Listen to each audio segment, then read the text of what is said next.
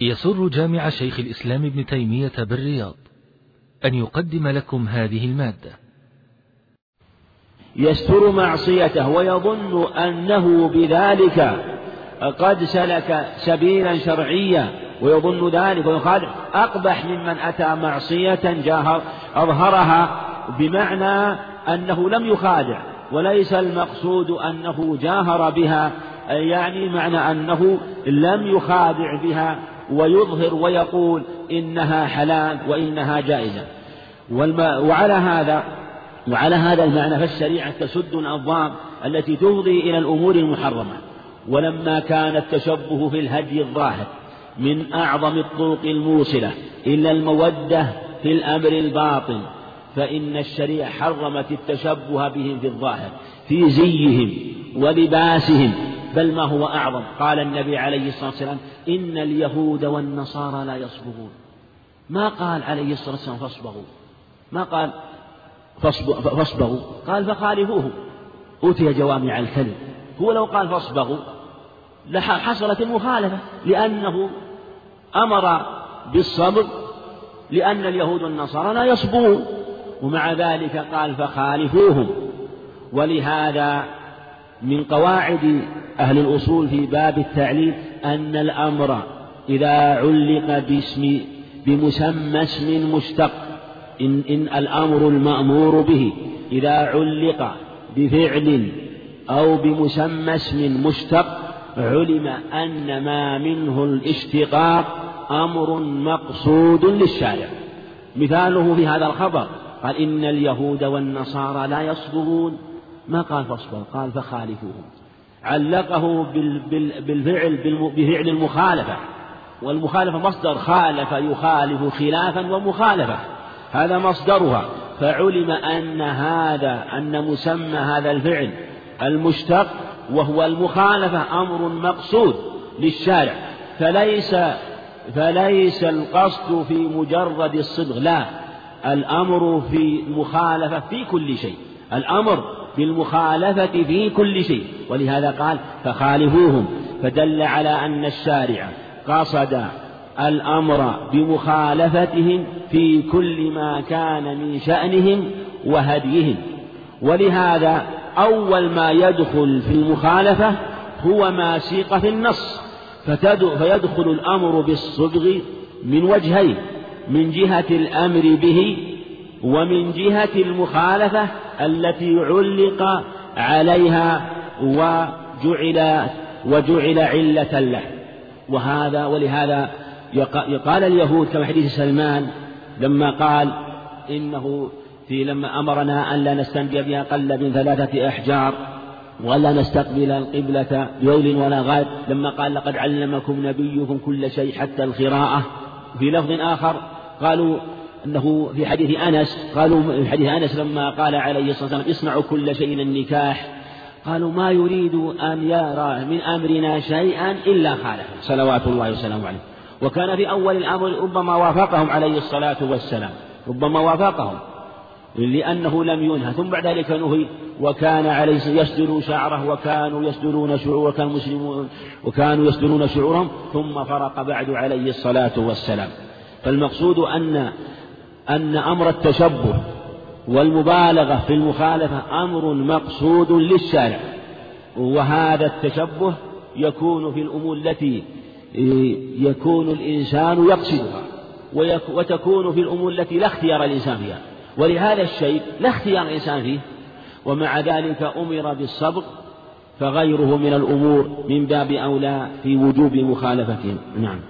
وعن ابن عباس رضي الله عنهما قال كنت خلف النبي صلى الله عليه وعلى آله وسلم يوما فقال يا غلام احفظ الله يحفظك احفظ الله تجده تجاهك وإذا سألت فاسأل الله وإذا استعنت فاستعن بالله. رواه الترمذي وقال حسن صحيح. نعم وهذا الحديث حديث جيد وله طرق وفيه ما كان عليه النبي عليه الصلاة والسلام من الرفق قوله يا غلام والعناية بالغلمان والصغار وكان كما كما قال أنس وغيره من أرحم الناس بالعيان صلوات الله وسلامه عليه. وكان إذا ذهب إلى الأنصار كان يأتيه الصبيان وكان يمسح رؤوسهم عليه الصلاة والسلام. وكانوا إذا صلوا الفجر يأتون بآنيتهم فيها الماء حتى يضع يده فيه عليه الصلاة والسلام. ويضع وربما جاءوا في الغداة الباردة بالإناء البارد فيضع يده فيه عليه الصلاة والسلام حينما يأتي به الصبيان. وكان ربما أخذت الجارية بيده وقال يا فلان انظر أي السكك شئت فأقضي حاجتك. وهذا أمر متواتر من هديه صلوات الله وسلامه عليه. يا غلام مثل قول عمر بن سلمة يا غلام سم الله. وهكذا وقع لأنس في قصص عدة في أمره وإرشاده له. احفظ الله احفظك هذا أمر. احفظ الله احفظ. احفظ الله تجده تجاهك وهذا الحفظ لله عز وجل أعظمه حفظ حقوقه وحدوده وأعظمه حفظ التوحيد والإيمان. ثم يليه بعد ذلك أعمال البر من صلاة وهي رأس الأعمال البدنية وكذلك الأعمال المالية وما ركبت والمركب كالحج وما أشبه ذلك. احفظ الله حفظ فحفظ الله عز وجل هو بحفظ حدوده سبحانه وتعالى وهو رأسها. ومن حفظ الله عز وجل فإن الله يحفظه. وأعظم الحفظ هو الحفظ في الدين. فمن حفظ حدوده سبحانه وتعالى واجتهد فإنه سبحانه وتعالى يحفظه. وأعظم الحفظ أن يحفظه في دينه. ولهذا شرع للمسلم أن يكثر السؤال سؤال الله العافية في الدين والدنيا. اللهم إنك العفو والعافية في ديني ودنيا يكثر من سؤاله سبحانه وتعالى العافية والعفو في الدنيا والآخرة في دينه ودنياه لأن حفظ الدين هو هو المهم. فما فإذا حفظ الدين ما بعده أيسر. وفي حديث عمر رضي الله عنه اللهم احفظني بالإسلام قائما واحفظني بالإسلام قاعدا واحفظني بالإسلام راقدا ولا تشمت بي عدوا ولا حاسدا. والحفظ الآخر هو حفظه في بدنه وحفظه في ماله وحفظه في أهله. فمن حفظ الله عز وجل حفظه في دينه وكذلك يحفظه سبحانه وتعالى في أهله ويحفظه في دينه وبدنه وماله يحفظه سبحانه وتعالى. وربما أراد الله سبحانه وتعالى به الخير ورفع درجته وابتلاه وكانت عاقبته إلى خير في الدنيا والآخرة أو فيهما جميعا أو في الآخرة. المقصود أنه سبحانه وتعالى من حفظ حدوده وحقوقه فإن عاقبته إلى خير والعاقبة للمتقين. ومن ضيع حدود الله وحقوقه فإنه فإنه يضره أقرب الناس إليه وأحب الناس إليه يضرونه ويخالفونه. ومن حفظ حدود الله يسر الله له أمور خير. بل بل في قصص كثيرة عن السلف في اجتهاد لما اجتهدوا في حفظ حدود الله حفظهم سبحانه وتعالى. بل إنه سبحانه وتعالى جعل الوحوش في البرية حافظة لهم وترعاهم كما يروى عن سفينة مولى النبي عليه الصلاة والسلام كما روى الحاكم وغيره أنه كان في سفينة فانكسرت بهم ثم خرج إلى جزيرة البرية فما فمر بهم الأسد وكان قد قد تاه الطريق فجاء الأسد يمشي معه والسفينة يمشي معه حتى إذا سار مسافة وسفينة يمشي معه هم هم هم همة كأنه يقول هذا الطريق ثم سار فجعل هذا الحيوان المفترس حافظا له. ومن ضيع حدود الله عز وجل سلط الله عليه أقرب الناس إليه. لكن من كان من كان على طريقة من الخير وحصل له فتنة في أهله أو ماله فهو ذكرى وعبرة ولهذا كان كثير من السلف يقول إني لأعصي الله فأعرف ذلك في خلق دابتي وفي خلق أهلي نعم وإذا سألت فاسأل الله وإذا استعنت فاستعن بالله. العبد لا يسأل إلا الله عز وجل. واسأل الله من فضله ولا يستعين إلا بالله عز وجل. وإذا استعنت فاستعن بالله. إياك نعبد وإياك نستعين. إذا سألت فاسأل الله. يعني لا تسأل غيره سبحانه وتعالى. بل سله وحده. واجعل سؤالك في جميع أمورك. في دينك ودنياك. وإن استطعت ألا تسأل أحدا فهذا هو المرتبة العليا. وقد بايع النبي عليه الصلاة والسلام جمعا من أصحابه كما روى مسلم عن عوف بن مالك رضي الله عنه أنه عليه الصلاة والسلام بايع جمعا من أصحابه. وأسر لهم كلمة خفية ألا تسألوا الناس شيئا. رواه مسلم. وبايع خصوص أصحابه بايع أبا بكر وأبا ذر وثوبان ألا يسألوا الناس شيئا قال عوف رضي الله عنه فلقد رأيت بعض أولئك النفر يسقط صوته فلا يسأل أحدا أن يناوله إياه بل ينزل فيأخذ صوته. هكذا كانوا لأنهم أرادوا أن يجعلوا قلوبهم لله عز وجل ولا يبقى فيها منة لأحد مع أنه من الأمور المباحة لكنهم أخذوا بما وصى به بما وصاهم به عليه الصلاة والسلام وبقوا على ما عاهدوا عليه النبي عليه الصلاة والسلام. ولهذا أصل السؤال للناس منهي عنه. أصل سؤال المال منهي عنه. ويحرم ولا يجوز لأن فيه ذلة للنفس وفيه إيذاء للمسؤول وفيه أيضا هضم لأمر من حقوقه سبحانه وتعالى. ذلة للنفس. وتذلل لغير الله وإيذاء للمسؤول. ثلاث مفاسد ثلاث مفاسد فلهذا كان الأصل فيه التحريم والمنع وهذا جاءت فيه أخبار كثيرة عن النبي عليه الصلاة والسلام في منع السؤال وأن لا يسأل الناس شيئا. لكن من سأل حاجة من الحاجات التي يحتاجها فلا بأس. في الحديث عند أهل السنن إلا يسأل الرجل سلطانا أو في أمر سمرة أو في أمر لا بد له منه. في حديث في الترمذي إن كنت سائلا فاسأل الصالحين. فاسأل الصالحين. ولكن أصل المسألة منهي عنه. إلا حينما تكون المسألة حال ضرورة فهذا لا بأس به. ولهذا في حديث أبي سعيد الخدري وحديث سهل بن الحنظلية ومن في معناه جاء النهي عن المسألة. إذا كان له ما يغديه وما يعشيه. وفي حديث أبي سعيد الخدري أنه قال من كان له خمسون درهما فسأل فقد سأل الحام فقال ثم عاد إلى بيته وكان أراد أن يسأل النبي عليه الصلاة والسلام فقال إلا الياقوتة وهي فرس عنده خير من خمسين درهما أو قال نحو ذلك. وإذا استعنت فاستعن بالله. إياك نعبد وإياك نستعين. فيستعين العبد ربه سبحانه وتعالى في كل شيء. في أمور دينه ودنياه. يستعين العبد ربه. ولا تكون الاستعانة الخالصة لله إلا بأن لا يسأل الناس شيئا. وأعظم الاستعانة والاستعانة في أمر الدين.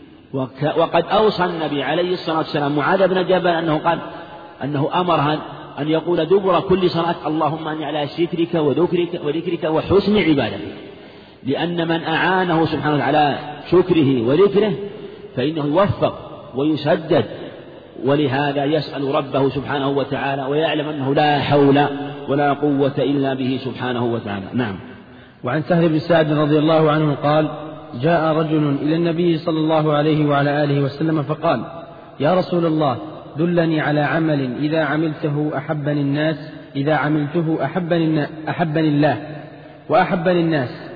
قال ازهد في الدنيا يحبك الله وازهد فيما عند الناس يحبك الناس. رواه ابن ماجه وسنده حسن. نعم. حديث حديث سهل رضي الله عنه في قول جاء رجل النبي عليه السلام في الدنيا يحبك الله. وهو مجزوم على جواب الأمر وأدغم لأنه مضاعف. أصله يحببك الله. يعني ازهد الدنيا يحببك الله وزد عند الناس يحببك الناس. وهذا الحديث من طريق رجل قال خمر من طريق رجل قال خالد بن عمرو الواسطي أو الكوفي وهو وهو متروك أو متهم. وفي رجل آخر أيضا يشتبه اسمه عمرو بن خالد الواسط وكلاهما متروك. كلاهما روى له ابن ماجه. وهذا رواه أبو داود وابن ماجه. والحديث ضعيف بهذا السند وقد جاء من طريق آه، من غير طريق خالد لكنه يظهر أنه مدلس دلسه من رواه وإلا مرجعه إلى خالد بن عمرو هذا.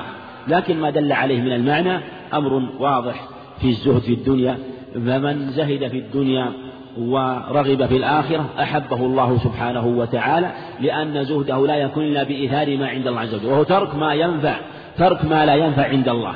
وهذا حينما ترك ما لا ينفع عند الله فإنه يشتغل بما ينفعه عند الله عز وجل ويكون بالعمل بطاعة الله الواجب مستحبة. ومن عمل بهذا أحبه الله. وكذلك وكذلك الزهد فيما عند الناس وهو الزهد في أموالهم ومطاعمهم وطعامهم والزهد في, في أموالهم والزهد فيما عندهم. يعني أن لا يسأل الناس أموالهم وأن يعلق قلبه لله وأن يكون همته وقصده وجه الله عز وجل. يحبه الناس لأن الناس قد جبلت قلوبهم على كراهية من سألها وعلى من ألح عليه ولهذا كان من أسباب منع السؤال أنه إيذاء للمسؤول وذلة في حق السائل. وكذلك تذلل لغير الله. ولهذا شرع أن يزهد وإذا زهد رخص عنده ما عند الناس. ثم من ترك هذه وزهد فيها لله عز وجل فإن الله يعوضه خيرا منه. وقد روى أحمد بسند جيد عن عن رجل من الصحابة أنه ذكر لرجلين أبي الدهماء العدوي وصاحبه لما قالوا وكان أصحاب النبي عليه الصلاة والسلام أنه قال واعلم أنك لن تدع شيئا لله إلا أعطاك الله ما هو خير منه. نعم. وعن سعد بن أبي وقاص رضي الله عنه قال سمعت رسول الله صلى الله عليه وعلى آله وسلم يقول إن الله يحب العبد التقي الغني الخفي. أخرجه مسلم. وهذا الحديث عن وقاص رواه مسلم وهو في قصة عامر بن سعد وقاص أنه جاءه ابن عمر بن سعد وقاص قال الناس يقتسمون الملك وأنت هنا وكان قد اعتزل في البرية رضي الله عنه فدفعه في صدره فقال ليك عني فإني سمعت رسول الله صلى الله عليه وسلم يقول إن الله يحب العبد التقي الغني الخفي. هذا يبين فضل فضل الخمول بمعنى الإعراض عن طلب الذكر والسمعة والاشتهار الذي يفضي إلى فتنة وشر ويفضي إلى رياء ويفضي إلى تصنع. ففي هذه في هذه الحال يكون الظهور ويكون عدم الخفاء في حقه فتنة. لما اختلف العلماء في أمر العزلة وفي أحكامه فصلوها على هذا وجعلها مبنية على أمر المصالح والمفاسد في المخالطة في مصلحة المخالطة من عدمها. قال إن الله يحب العبد التقي الغني الخفي معنى أنه يكون في نفسه وفي قلبه هذه الأشياء. في قلبه وفي نفسه وفي نيته هذه وليس معنى ذلك أنه لا ينفع وأنه لا يدل على الخير لا وإلا فالأصل هو المخالطة. لكن حينما يكون المخالطة فيها فتنة أو فيها شر فإنه يختار ما هو أصلح بدفع ما فيه مفسدة. وقد جاء في حديث معاذ رضي الله عنه من عند ابن ماجه حديث لا بأس به أنه أخبر أن خير عباد الله الذين إذا غابوا لم يفتقدوا وإذا حضروا لم يفضل لهم وقال لم يسأل عنهم يخرجون من كل غبراء مظلمة. وكذلك في قصة في قصة ويس القرني الذي قال النبي عليه الصلاة والسلام لعمر مر فليستغفر لك فإنه خير التابعين.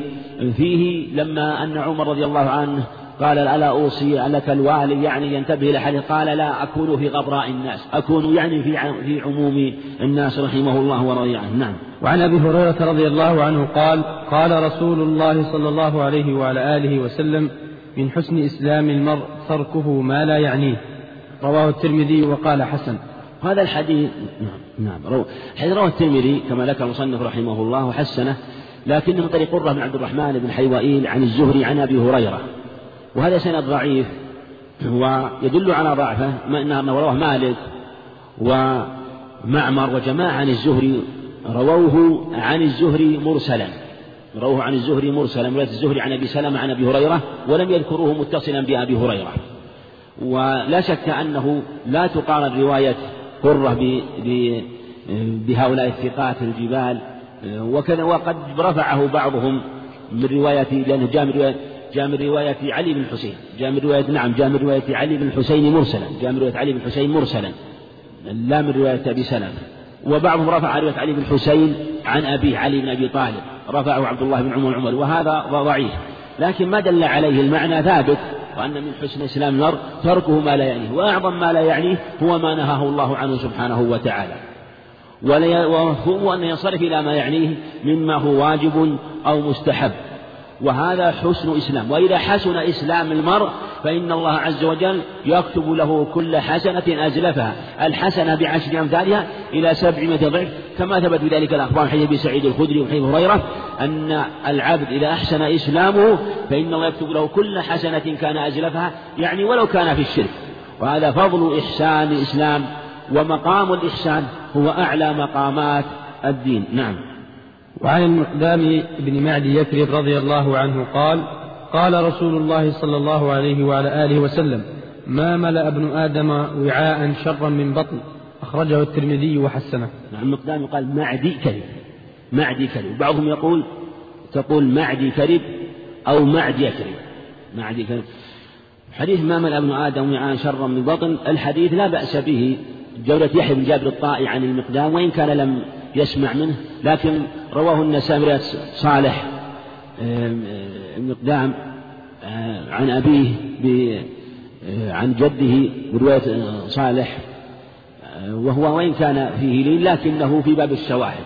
وقد رواه ابن ماجه أيضا من طريق آخر. وهو بهذه الطرق والمتابعات يقوى يكون من باب الحسن لغيره.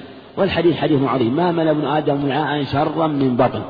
وهذا يبين أن أن البطن هو شر وعاء حينما يملأ. ما ملأ ابن آدم وعاء شرا من بطن. ثم قال فإن كان فلا بد فثلث لطعامه وثلث لشرابه وثلث لنفسه وقد جاءت الأخبار فضل التقلل والزهد وعدم الإكثار. وجاءت أخبار النبي عليه الصلاة والسلام في من حديث أبي هريرة من حديث ابن عمر وحديث سلمان أنه عليه الصلاة والسلام قال إن أطولهم شبعا في الدنيا أطول إن أطولهم شبعا في الدنيا أطولهم جوعا يوم القيامة. هذه أخبار اختلف العلماء صحتها لكن محمولة على أنها إذا كان يصرف عن طاعة الله الواجبة أو يصرف عن أداء الحقوق الواجبة أو الشبع وهو الشبع الذي يثقل عن الطاعة. وهذا واقع لأنه حينما يشبع كثيرا فإنه يغلبه ويضعفه عن الطاعات الواجبة. عن الطاعات الواجبة. ومثل وما أدى إلى أمر محرم يعلمه ويغلب على ظنه فإنه يكون أمرا محرم. وهذا الحديث أصل في الطب. وقد أجمع عليه العلماء على معنى. وأجمع عليه الأطباء. حتى قال بعضهم لو أخذ الناس بهذا الحديث لأغلقت المارستانات ودكاكين الصيادلة ولم يحتج إلى شيء. وهل أهلك البرية؟ كما قال الحارث بن كلدة وهو طبيب العرب هل أهلك البرية والوحوش في البرية إلا إدخال الطعام على الطعام قبل الانهضام؟ وقال و ويروى في أثر أصل كل داء البردة والبردة هي التخمة هي التخمة ولا يصح مرفوع إلى النبي عليه الصلاة والسلام. وكان الحارث بن كلده يقول المعدة بيت الداء والحمية رأس الدواء فهذا أمر مجرب وأمر واضح. ولهذا أمر أن يجعله أمر أن يجعله أثلاثا كما في الخبر عنه عليه الصلاة والسلام. نعم. وعن أنس رضي الله عنه قال قال رسول الله صلى الله عليه وعلى آله وسلم كل بني آدم خطاء وخير الخطائين التوابون. أخرجه الترمذي وابن ماجه وسنده قوي.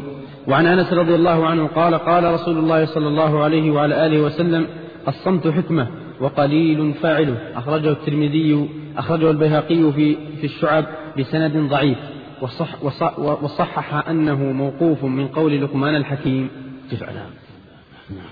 حديث أنس من رواية علي بن مسعدة الباهلي عن عن قتادة عن أنس وضعفه بعضهم يعني مسعدة كل فيه وقتادة فيه له تدليس لكن قوة قواه بعضهم لأن علي مسعدة هو وثقه جمع من العلم ثم رواية عن البصريين جيدة رواية عن البصريين جيدة. وله شواهد في المعنى من حديث أبي أيوب حديث هريرة صحيح مسلم أنه عليه الصلاة والسلام قال لو لم تذنبوا لذهب الله بكم ولجاء بقوم يذنبون ويستغفرون فيغفر الله لهم. وهذا يبين أن عموم بني آدم خطأ وهذا ما ثبت إلى الصحيحين من حديث أبي هريرة كتب على ابن آدم حظه من الزنا. مدرك ذلك لا محالة مدرك ذلك لا محالة وعمومه أيضا يدل على وقوع الخطأ ولهذا ذهب جمهور العلم إلى وقوع الصغائر من الأنبياء. ولهذا كان النبي يستغفر عليه الصلاة والسلام يرفع الدرجات وإن لم يكن منه ذنب. ولا حديث في استغفاره كثيرة متواترة. جاءت حديث هريرة ومن حديث ابن عمر وأحاديث كثيرة في هذا الباب. ولكنه من تاب تاب الله عليه. ومن والتوبة تجب ما قبلها. وفي حديث مسعود الندم توبة يعني الندم وهي التوبة الصادقة. أما حديث أنا الصمت حكم أو حكم وقليل فاعله وهو لا يصح الخبر. الخبر لا يصح. وصح أنه موقوف صح أنه موقوف من قول لقمان الحكيم من قول لقمان الحكيم. وهو في الحقيقة منكر لأن الراوي عن ثابت ووقفه وهو ثقة. وهو الراوي عن هو راوي عن ثقة عن عن الراوي عن أنس أو وأحفظ ممن رواه من الضعفاء عن أنس. وإذا كان الراوي ضعيفا وخالف فإن خبره يكون منكرا يكون منكرا. والثابت أنه موقوف على أنس كما رواه البيهقي والحاكم وغيرهما موقوف على أنس من قول لقمان. من قول لقمان أنه قال الصمت حكمة وقد يفاعل وقيل يروى أنه دخل على داود عليه الصلاة والسلام ورآه يصلح الدرع فأراد أن يسأله فتردد هل يسأل لماذا يصلح الدرع؟ وقيل إنه دخل عليه ويصلح الدروع. كل ما دخل يسأله لماذا؟ ثم بعد ذلك لبسها. فلما لبسها علم أنه لبسها لأجل القتال في سبيل الله فعند ذلك خاطب وقال الصمت حكمة وقد يفاعل. معنى أنه لم يستعجل ولم يتكلم فتبين له الأمر والحكمة في صنع داود عليه الصلاة والسلام لها. وقول الصمت حكمة هذا هو هذا نقول الصمت حكمة في موضعه وليس حكمة في موضع يلزم فيه الكلام. فالصمت في أصله لا يشرع يعني من جهة على العموم. الصمت والتعبد بالصمت ليس مشروعا. إنما الصمت حينما يكون له السبب فلا بأس. والنبي عليه السلام قال من صمت نجا في حديث عبد الله بن عمرو. في حديث من حديث عن الترمذي كل كلام آدم عليه لا إلا ذكر الله ذكر الله عز وجل. وجاء حديث في هذا المعنى في الصحيحين من حديث من كان يؤمن بالخير فليقل خيرا أو ليصمت. وفي حديث آخر اختلف فيه روي مرسلا ومتصلا أنه عليه الصلاة والسلام قال رحم الله امرأ قال خيرا فغنم أو سكت عن شر فسلم. فيتبين بهذا أن الصمت إن كان عن شر فإنه خير وهو واجب وإن كان عن وإن كان عن أمر واجب لله فيه قول يقول فإنه لا يجوز. فالصمت تارة يكون واجبا.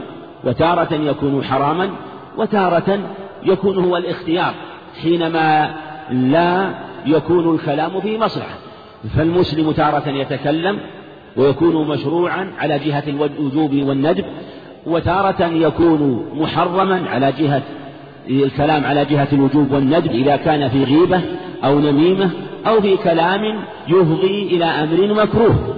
وتارة يختار السكوت إذا كان الكلام لا مصلحة فيه. أما مجرد السكوت فالتعبد بالصمت بدعة. ولهذا صحيح عن ابن عباس في قصة رضي الله عنه في قصة, قصة أبي إسرائيل لما رآه النبي عليه الصلاة والسلام واقف في الشمس قالوا ما؟ قال سأل عنه قالوا نذر أن يقوم ولا يقعد ولا يتكلم. قال مروه فليجلس وليتكلم وليتم صومه. نهاه عن الصمت وأمره بالكلام. ونهاه عن القيام وأمره بالقعود فأمره بالمشروع ونهاه عن الممنوع عليه الصلاة والسلام. حديث أبي بكر رضي الله عنه دخل تلك المرأة وهي قد حجت مسمتة قال ما بالها؟ قال حجت مسمتة قال إن هذا لا يحل إن هذا من عمل الجاهلية. فنهاها رضي الله عنه. فالصمت في موضعه كما تقدم. أسأله سبحانه وتعالى ولكم التوفيق والسداد. والله أعلم. وصلى الله وسلم على نبينا محمد. بسم الله الرحمن الرحيم. الحمد لله رب العالمين. والصلاة والسلام على رسوله محمد وعلى آله وصحبه أجمعين. أما بعد قال المؤلف رحمه الله تعالى باب الرهب من مساوئ الأخلاق. عن أبي هريرة رضي الله عنه قال قال رسول الله صلى الله عليه وعلى آله وسلم إياكم والحسد فإن الحسد يأكل الحسنات كما تأكل النار الحطب أخرجه أبو داود. ولابن ماجه من حديث أنس نحوه. الحمد لله رب العالمين والصلاة والسلام على نبينا محمد وعلى آله وأصحابه وأتباعه بإحسان إلى يوم الدين. أما بعد هذا الباب في الترغيب من مساوئ الأخلاق والمعنى كما سيأتي الترغيب في محاسن الأخلاق.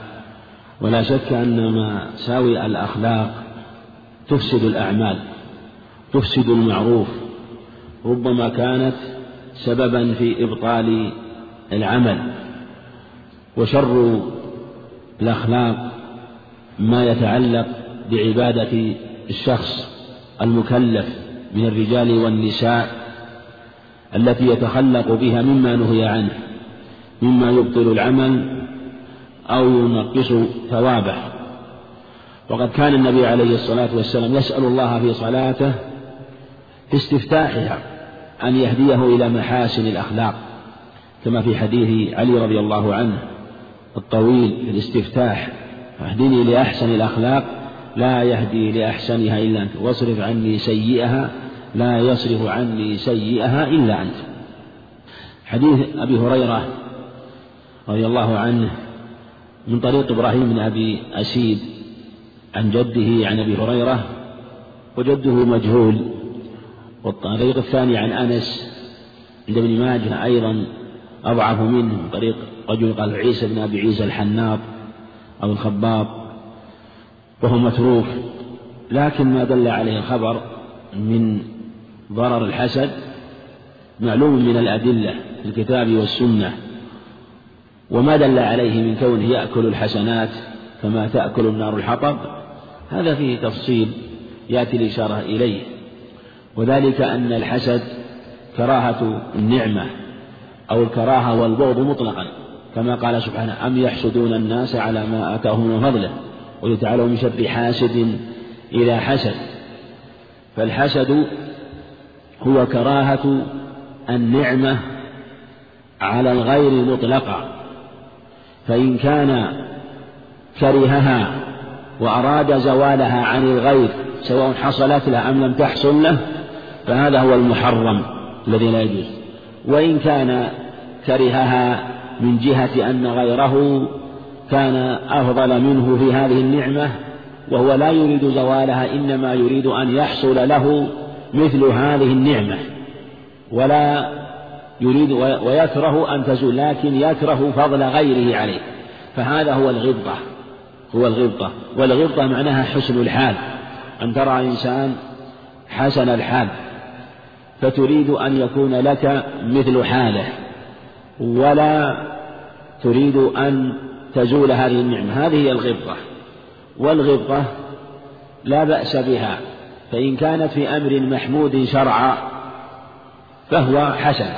مثل أن تغبط غيرك على قراءة القرآن وعلى العلم وعلى الدعوة والجهاد في سبيل الله وأعمال الخير والبر هذا حسن. وإن كانت الغبطة في أمر مباح أن يغبط غيره في أمر من أمور الدنيا أو جاه أو منصب.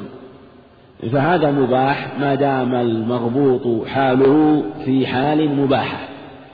وإن كانت الغبطة في أمر محرم فإنها لا تجوز حرام. مثل أن يتمنى حال إنسان عنده مال أو جاه وهو يستعمله فيما حرم الله. فكما قال النبي عليه الصلاة والسلام فهو بنيته فهما في الوزر سواء في حديث ابن كبش الأنماري ولهذا كان الصحيح أن الحسد اسم عام يدخل فيه الغبطة. ولهذا ثبت في الصحيحين من حديث ابن مسعود لا حسد إلا في اثنتين رجل آتاه, آتاه الله الحكمة فهو يقضي بها ويعلمه ورجل آتاه الله القرآن فهو يتلوه آناء الليل وآناء النهار. حديث ابن عمر أيضا الصحيحين لا حسد إلا في اثنتين.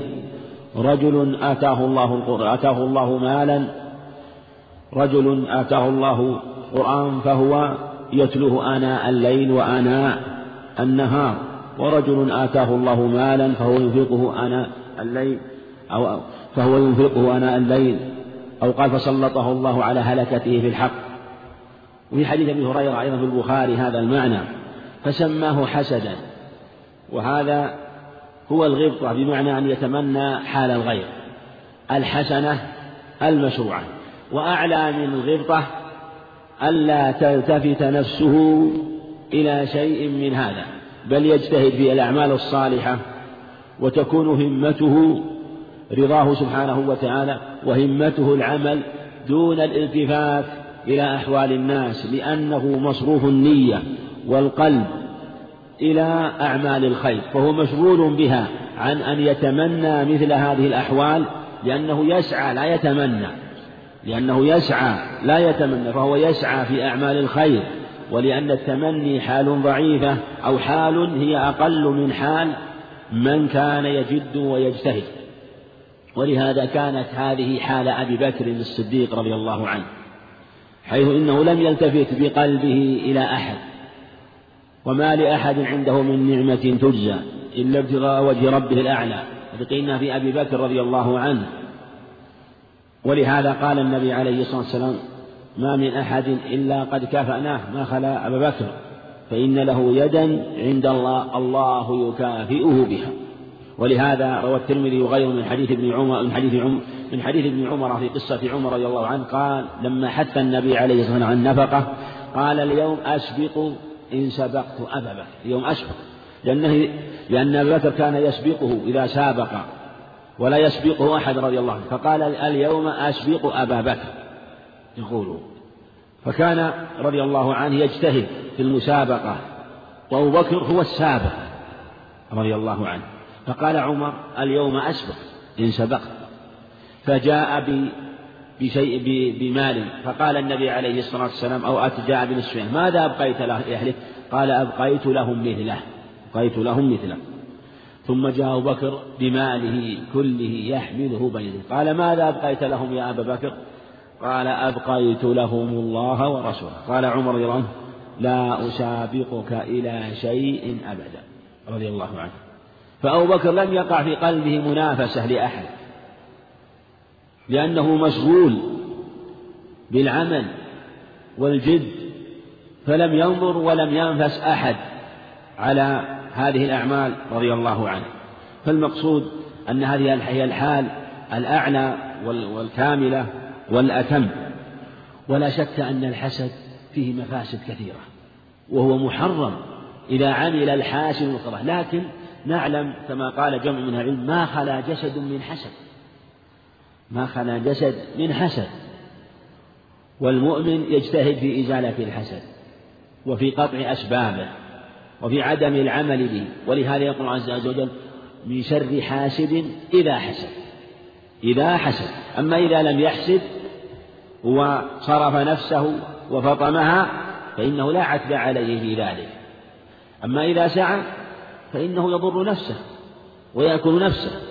والنار تأكل نفسها إن لم تجد ما تأكله وهو يأكل نفسه والنار والحسد يأكل حسناته فهو مأكول في نفسه مأكول في حسناته مغبون في الدنيا مغبون في الآخرة فهو ضر نفسه حيث لا تطمئن لا يطمئن تطمئن نفسه ولا يطمئن قلبه ولا يهدأ له بال ولا يرتاح لأنه لهث حاسد والعياذ بالله لا يرى أحد إلا حسنا كذلك هو متسخط لقدر الله لأقدار الله عز وجل. وهذا تسخط.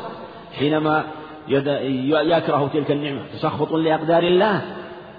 كذلك هو في الحقيقة لا يحصل له مقصوده من الجهات الثلاث من جهة تسخطه لأقدار الله. ومن جهة أنه يضر نفسه. ويتعبها ويتلفها بالحسد. الأمر الثالث أنه في الحقيقة يعود أنه لا ضرر على المحسوب. لا ضرر على المحسوب. بل هو ربما كان منتفعا بهذا. ولهذا جاء هذا الخبر بهذا المعنى. وهذا الخبر إن صح إذا صح محمول على من كان حسده على جهة تمني زوال النعمة فهو آه، عمل قلب جازم به وربما سعى. ولهذا هذا يسعى ويجتهد في السعي في زوالها إما بالقول أو بالفعل لا يدعه الحسد حتى يعمل بمقتضاه. نعم.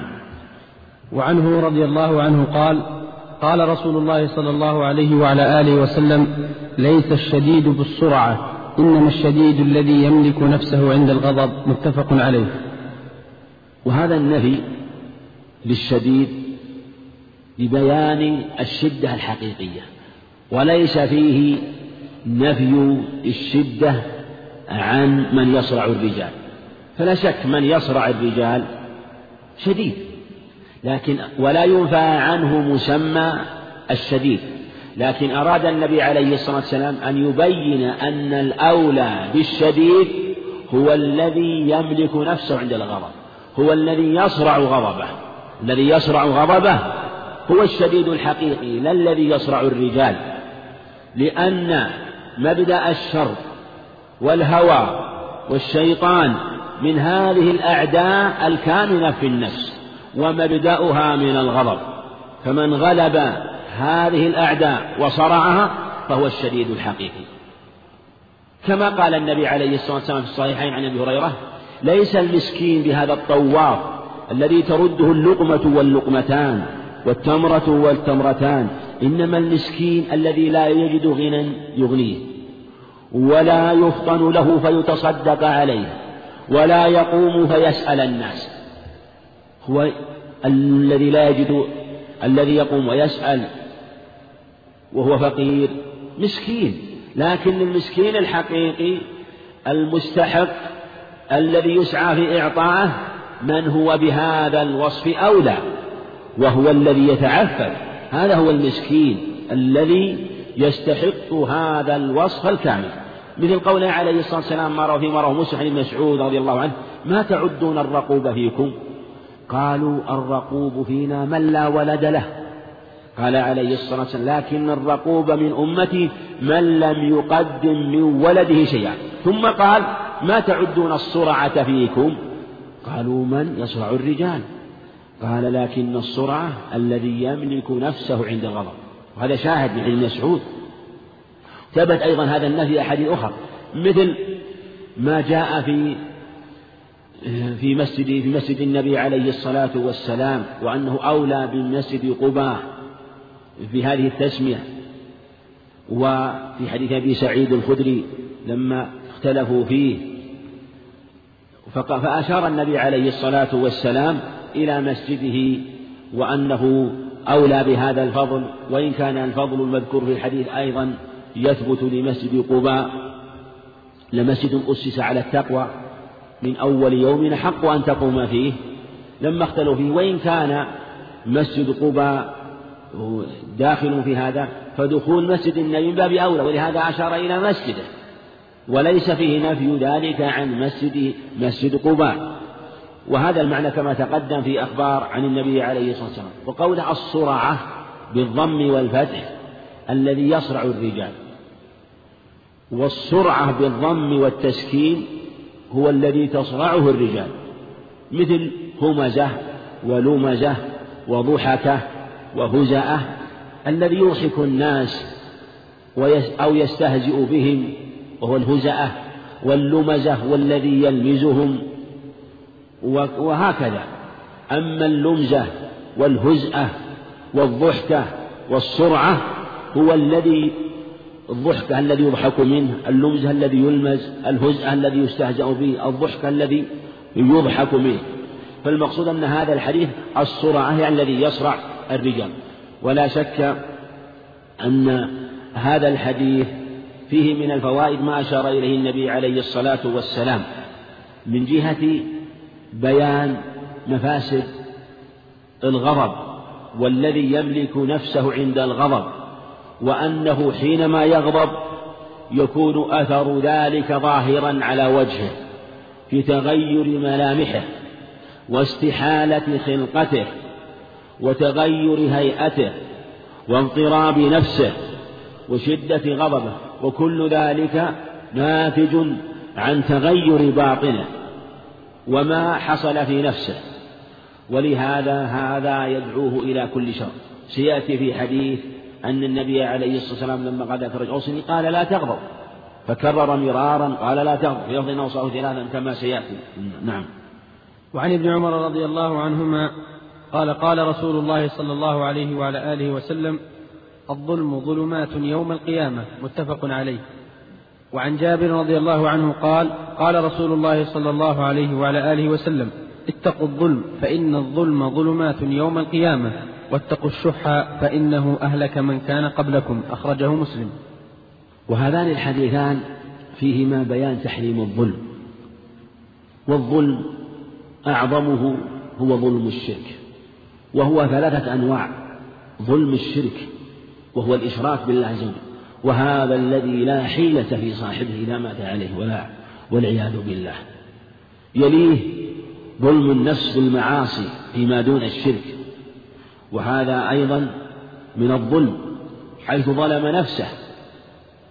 وربما كان يظن أنه على حال حسنة وهو مغرر به حينما يسعى في إهلاكها وإتلافها في سوقها إلى المعاصي وغدوه في معصية الله ورواحه في معصية الله هو يغدو يتلفها. لا يغدو في عتقها. لا يغدو في ففاك في ففاك في ففاك فكها من النار. لا يغدو في ذلك. لا يغدو في تحصيل العمل الصالح الذي يكون سببا في حصول الجنة فهو يغدو في هلاكها ويروح في هلاكها. ولهذا بين النبي عليه الصلاة والسلام أنه ظلمات يوم القيامة فلا يكون له نور. فهو ظلمة في الدنيا ظلمة في القلب وظلمة في العمل وظلمة في كل شيء. والجزاء من جنس العمل يكون في ظلمة يوم القيامة.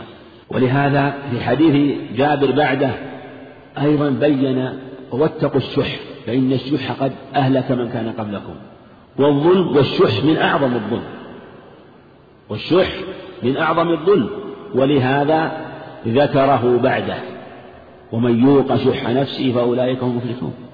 والشح من أقبح الذنوب. ومن ابتلي بالشح فإنه يسوقه إلى الشح بالخيرات والشح بالمعروف ولهذا كان أعظم من البخل. لأن الشح إمساك مع حرص والبخل إمساك. فالبخيل يمسك لا ينفق.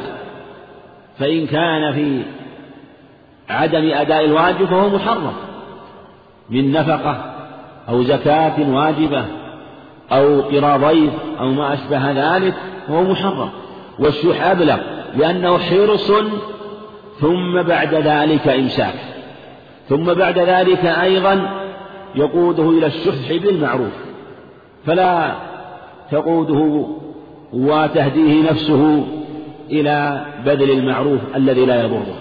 بل لا يبذل الكلمة الطيبة والسلام والقول الحسن وهذا يشاهد حينما تكون نفسه في تلك اليبوسة ولا تحصل على تلك الأخلاق الحسنة يبخل بالكلمة الطيبة بالنصيحة بالسلام بإزالة الأذى عن الطريق. لا يريد الخير للناس لا يريد الخير.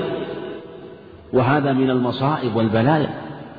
حينما يبتلى العبد بالشح. ولهذا قد اتقوا الشح فإنه أهلك من كان قبلكم. اللفظ الآخر بل في تمام أهل فإن حملهم على أن سفكوا دماءهم واستحلوا محارمهم. سفكوا دماءهم واستحلوا محارمهم. بمعنى أن الشح حملهم على ذلك.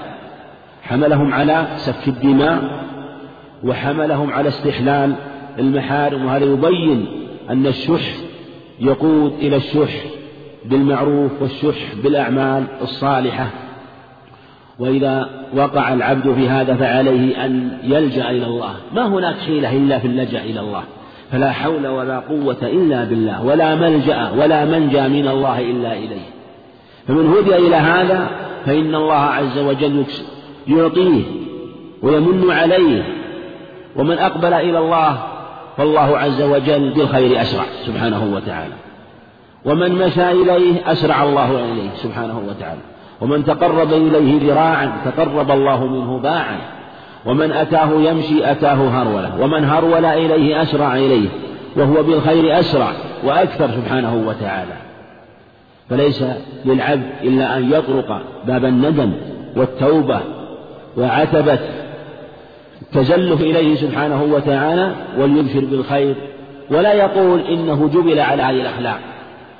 ولهذا الأخلاق تكون جبلية وتكون مكتسبة فيسعى في اكتساب الأخلاق الحسنة التي لم يكن متخلقا بها. ويسعى أيضا في الازدياد من الأخلاق الطيبة التي جبل عليها. كما في حديث أشج عبد القيس لما ذكر له النبي عليه الصلاة والسلام إن فيك خلتين وخصلتين الحلم والأنات. لفظ آخر عند رواه مسلم. لفظ آخر عند أحمد وغيره. قديما أم حديثا؟ تخلق بلفظ تخلقت بهما أم جبلني الله عليهما؟ قال بل جبلك الله عليهما.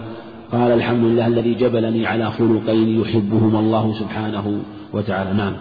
وعن محمود بن لبيد رضي الله عنه قال قال رسول الله صلى الله عليه وعلى آله وسلم إن أخوف ما أخاف عليكم الشرك الأصغر الرياء أخرجه أحمد بسند حسن. وهذا الحديث لا بأس به محمود بن لبيد رحمه الله ورضي الله عنه وصحابي صغير في سنة ست وتسعين وهو محمود بن ربيع صحابي صغير. عدة من الصحابة لهم روايات والصحابي الصغير إن روى الحديث وكان قد سمع من النبي عليه الصلاة والسلام فإن حديثه يكون متصلا.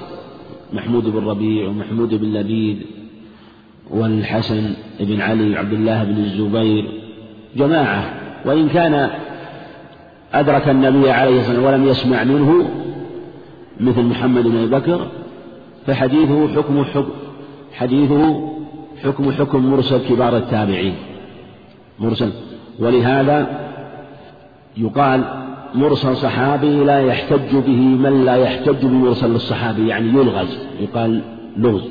مرسل صحابي لا يحتج به من يحتج بمرسل الصحابي. من هو؟ نعم فيقال الصحابي الصغير الذي لم يسمع الذي لم يدرك من النبي عليه الصلاة والسلام سماعا. بمعنى أنه آه، مات النبي يعني وهو لم يميز. لم يميز فهذا حكم حكم مرسل التابعي الكبير. أما إذا كان قد ميز فسماعه ممكن ولهذا مرسله مرسل صحابي وهو صحيح. حديث محمود بن رضي الله عنه إن أخوف ما أخ... إن أخوف ما أخاف عليكم الشرك الأصغر وسئل عنه قال الرياء وفي اللفظ الآخر النصر وفي هذا الحديث له شواهد حديث سعيد الخدري أيضا عند أحمد وابن ماجه أنه عليه الصلاة والسلام قال أخوف ما أخاف عليكم الشرك الخفي. قالوا ما هو؟ ما هو يا رسول قال يقوم الرجل فيصلي فيزين صلاته لما يرى من نظر رجل آخر. في حديث محمود بن لبيد هذا في لفظ لفظ آخر إياكم وشرك السرائر. قال وما شرك السرائر؟ قال يقوم الرجل يزين صلاته لما يرى من نظر رجل.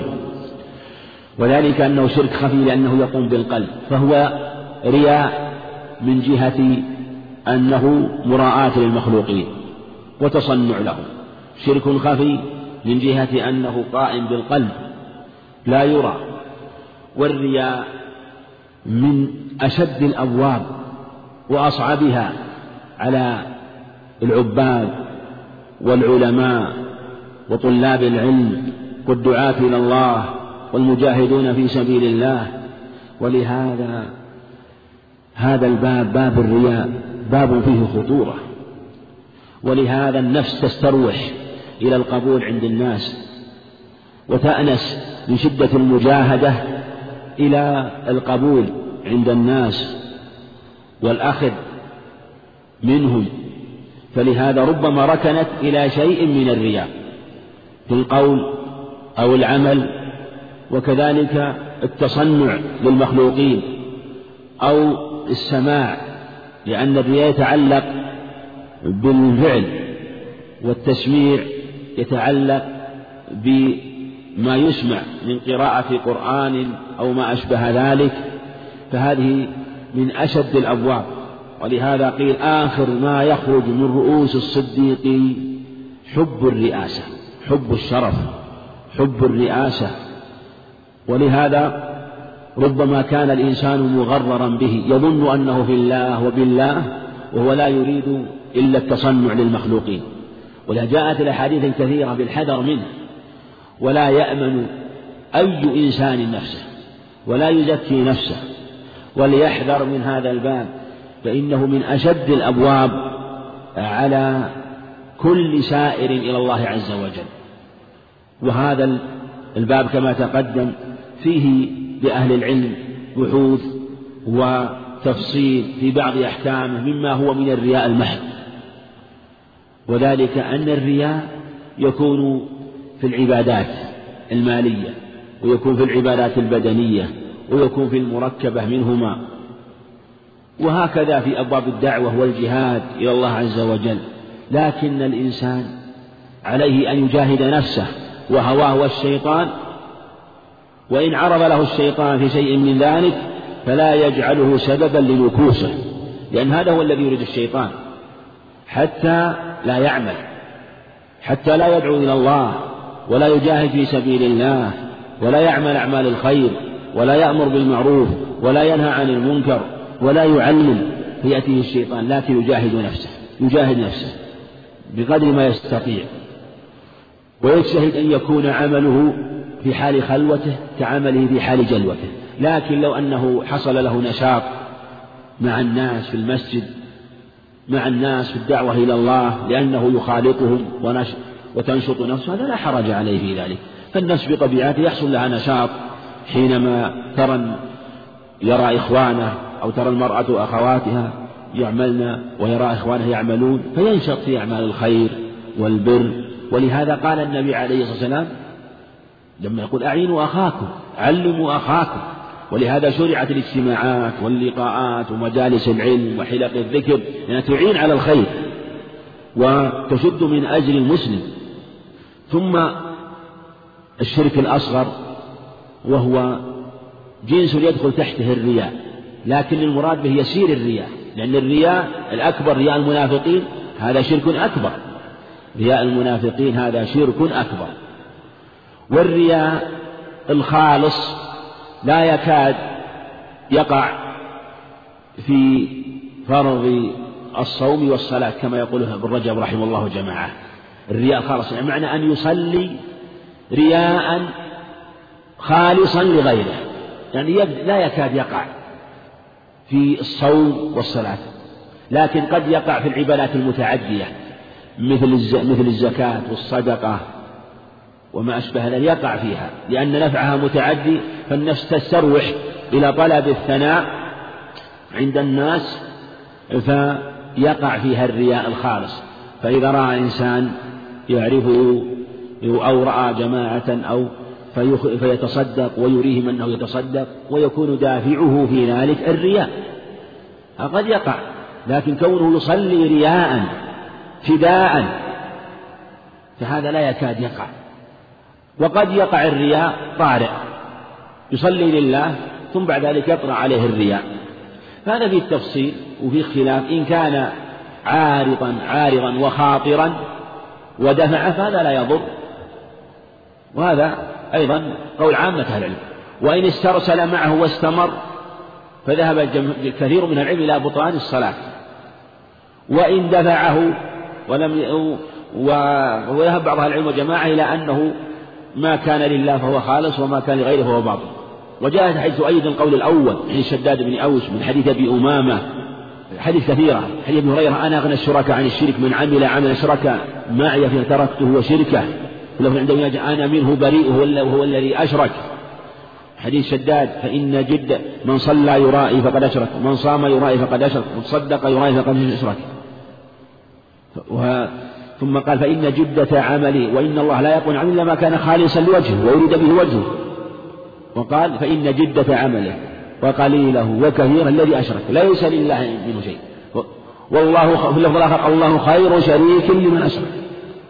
تدل على أنه حابط وباطل. لكن قد يقول قائل ما الفرق بين الشرك الأكبر وهو السجود للغير والصلاة للغير وبين مراعاة الغير بالصلاة. يعني إنسان لو سجد لغير الله كفر لكن إذا صلى يرائي إذا صلى يرائي. ابتداء لما رأى غيره صلى رياء. ما الفرق؟ نعم يظهر شيء لكم في هذا؟ واضح السؤال؟ نعم في جواب؟ نعم. يعني نقول من صلى سجد لغير الله عبده. هذا شرك أكبر. كما لو سجد لصنم أو سجد لغير الله عبادة. مثل لو ذبح لغير الله؟ الذبح والنذر شرك. لكن لو صلى لغير الله رياء. نعم. نعم الأول. نعم هو عمله باطل صحيح. لكن لماذا قلنا إن بطلان عمله ما يثبت له الشرك الأكبر. ما ما ما ما يثبت له الشرك الأكبر يعني. ولا لا شك؟ صحيح. عمل الحافظ نعم. نعم. يعني لا جيد لكن يحتاج إلى تكميل. يحتاج إلى تكميل. حسن. نعم. نعم نحن قلنا أنه من أصله. هو من أصله يصلى لغيره. ما كان نيته يصلي. لكن لما رأى غير قام يصلي. رياء. عمل ابتداء الرياء. من أوله. نعم. فلم يكفر فلم يكفر. طيب. أجل يكمل بعضها بعض. نعم. نعم. وهذا هذا أقرب. نعم. نعم. نعم أحسن. إذا هذا صحيح. إذا يتحصل هذه الأجوبة. نقول إن الذي صلى رياء ما قصد التعظيم للغير والعبادة. إنما قصد طلب ماذا؟ طلب المدح. شوف شوف انظر القصد ذاك صلى لغيره يعظمه ويعبده كما يعبد الله. يعظمه ويعبده كما يعبد الله. وذاك وهذا في الحقيقة وإن صلى لغير الله وعمله حابط لكنه صلى رياء صلى رياء. فهو قصده ماذا؟ ما قصد تعظيم وعبادته قصد طلب الثناء. والمدح فلهذا كان عمله حابطا لكن لا يكون كافرا بذلك. نعم. وعن أبي هريرة رضي الله عنه قال قال رسول الله صلى الله عليه وعلى آله وسلم آية المنافق ثلاث إذا حدث كذب وإذا وعد أخلف وإذا اؤتمن خان متفق عليه. ولهما من حديث عبد الله بن عمرو وإذا خاصم فجر. نعم. حديث هريرة آية المنافق ذلك إذا حدث كذب وإذا وعد أخلف وإذا أؤتمن خان. حديث عبد الله بن عمرو الصحيحين أيضا. زيادة إذا خاصم فجر وإذا عاهد غدر. وإذا حدث كذب وإذا وعد أخلف فحصل خمسة. حصل منها هذه الخصال خمس إذا حدث كذب وإذا وعد أخلف وإذا اؤتمن خان وإذا خاصم فجر وإذا عاهد غدر. عند مسلم من علامات المنافق. من علامات المنافق. بين أنها من علامات المنافق. وفي حديث عبد الله بن عمر أربع من كن فيه. صحيحين. كان منافقا خالصا. ومن كانت فيه خاصلة منهن كان فيه خاصلة منها حتى يدعها. إذا حدث كذب وإذا وعد أخلف وإذا عاهد غدر وإذا خاصم فجر اختلف العلماء في هذا الخبر اختلاف كثير. لكن معنى كلامهم يتحصل منه أقوال متقاربة حيث الجملة ولكل وجهة في تأويله وتفسيره. ولا شك أن هذه الخصال التي ساق المصنف رحمه الله من أسوأ الأخلاق. وأما معانيها فهي واضحة. إذا حدث كذب والكذب من الذنوب المحرمة والكذب لا يجوز والكذب كذلك من الكبائر. وقال بعض العلم حتى الكذبة الواحدة. وقال آخرون إنه إذا كان صفته الكذب الكذب. كذلك إذا وعد أخلف وإذا أتمن خان وإذا خاص فجر وإذا عهد غدر يبين أنها من خصال النفاق. وهذه الخصال آه، في معناها وفي تفصيلها أقوال لأهل العلم وهي واضحة الحمد لكن الشأن في ذكر علامات النفاق وأنها من علامات المنافق. حديث أبي هريرة ذكر أنها من علامات المنافق من علامات المنافق. وفي اللفظ ها والصحيحين آية المنافق وهي العلامة كما تقدم في رواية مسلم. قال كجمع من العلم إن هذه العلامات تجتمع في المسلم ولا يكون كافرا ولا منافق النفاق الاعتقادي فما المعنى؟ والأظهر والله أعلم أن المراد بالنفاق هنا هو النفاق العملي. النفاق العملي لا النفاق الاعتقادي. لأن هذه خصال ربما وقع فيها بعض المسلمين فكانت من نفاق العمل ونفاق العمل يوصف به المسلم إذا وقع فيه. ولهذا كان عمر رضي الله يقول لحذيفة أسألك بالله هل عدني رسول الله صلى الله عليه وسلم من المنافقين؟